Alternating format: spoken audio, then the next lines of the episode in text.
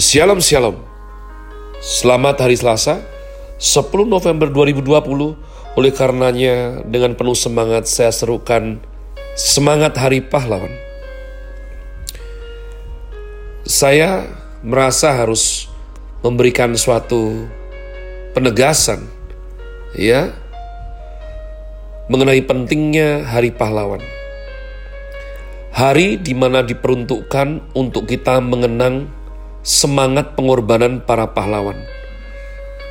Apakah Indonesia berjuang hanya dalam 10 November saja satu hari? Tentu tidak. 350 tahun umat Tuhan. Berjuang terus 350 tahun. Ya.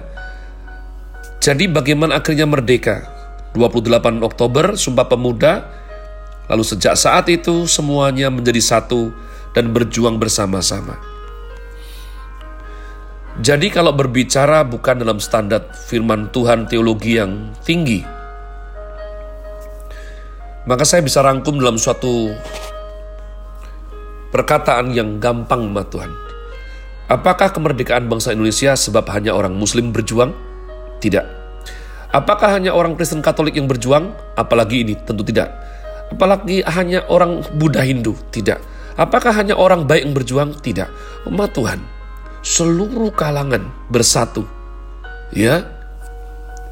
Yang latar belakangnya buruk mungkin preman, mereka bersatu. Berjuang bersama-sama, baru kemerdekaan bisa dicapai umat Tuhan. Nah saya rasa inilah jembatan antara orang baik dengan orang yang kurang baik. Masih adakah rasa cinta tanah air di jiwa kita ini? Masih adakah semangat kepedulian, masih adakah semangat kepahlawanan sehingga kita dengan jalan hidup masing-masing tidak usah turut campur segala hal macam-macam karena iman itu personal sekali cara kerja beda-beda, metode pula pikir itu sungguh sesuai latar belakang masing-masing yang juga berbeda. Tapi apakah kita diam saja jika kota kita, jika bangsa kita itu diaduk-aduk oleh orang yang tidak baik, yang jahat. Oleh karena mari kita bangkit semua, gelorakan semangat kepahlawanan. Jadilah orang tua yang tidak jemu-jemu berjuang buat putra-putrimu. Jadilah anggota keluarga yang tidak pernah menyerah berjuang untuk keluargamu.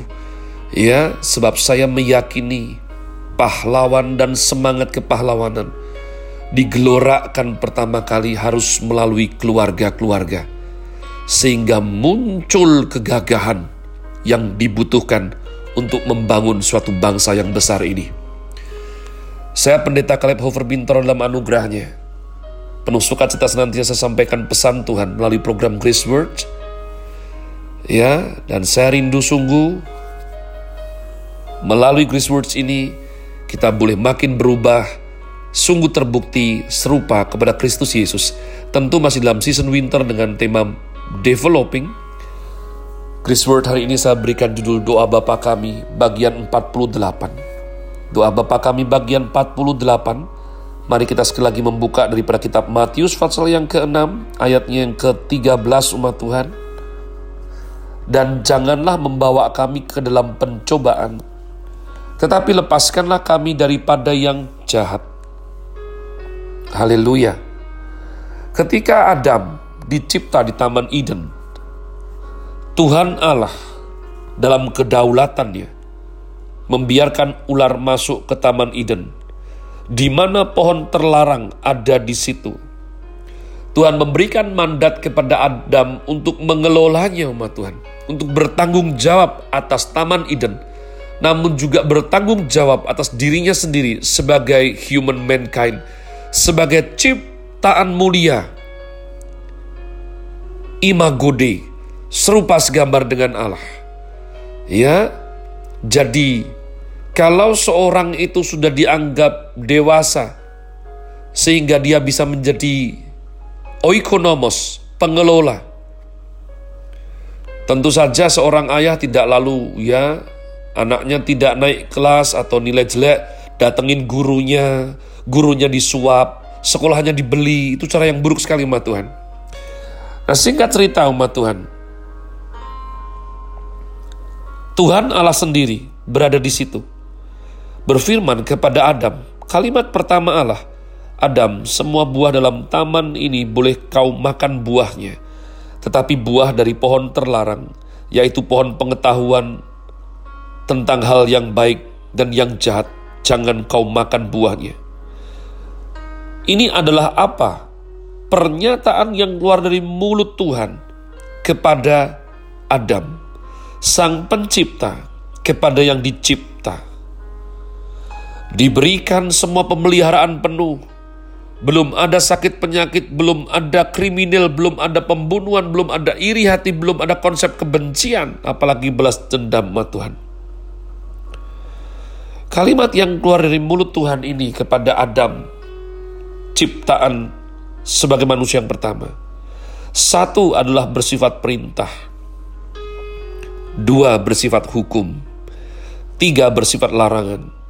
Dan empat batasan bagi kebebasan Tuhan yang diberikannya kepada manusia. Jadi free will itu kehendak bebas. Kehendak bebas bukan yang lalu sebebas-bebasnya. Kehendak bebas yang pada akhirnya harus ditang, bertanggung jawabkan di hadapan Tuhan. Kehendak bebas yang dalam kebebasannya itu ada batasan yang sudah Tuhan tetapkan umat Allah. Tuhan Allah juga memberikan pembatasan untuk mengikat kebebasan itu sampai batas tertentu. Ketika Tuhan Allah mengatakan hal pertama, kedua, ketiga, keempat, semua menjadi satu jika engkau mendengar kalimatku, engkau taat firmanku, maka hubunganmu dengan materi, hubunganmu dengan sesama manusia, hubunganmu dengan setan, dan nasib kekekalan manusia akan beres. Ini adalah dasar teologi dasar yang tercantum dalam kejadian pasal 3. Juga di sini terjadi kekacauan epistemologi dan pluralisme dari semua pikiran manusia sok pintar yang memutlakkan yang tidak mutlak dan menidak mutlakkan yang justru mutlak. Manusia hidup bukan dari roti saja, tetapi berdasarkan setiap kalimat yang keluar dari mulut Allah. Prinsip ini sudah terlihat sejak dari kejadian Fatsal yang ketiga. Tuhan Allah menciptakan manusia di tengah Allah dan setan, bukan kebetulan, bukan kecelakaan. Itu adalah rencana kekekalan Tuhan. Tapi tentu saja setan tidak tinggal diam Setan berusaha menarik manusia agar tidak netral lagi, agar tidak di pihak Tuhan. Ia akan membuat manusia memihak dia dan melawan Tuhan. Sehingga engkau menjadi alat di tangan setan untuk menjadi pengacau rencana dunia rohani. Maka di tengah persimpangan ini kita harus memilih. Tuhan Yesus mengajarkan berdoa. Berdoalah kepada Bapamu, jangan bawa aku ke dalam pencobaan itu berarti pencobaan secara objektif ada. Dan engkau tidak bisa tidak harus menghadapi pencobaan. Sebab Tuhan Allah memiliki tujuan bagi kita semua.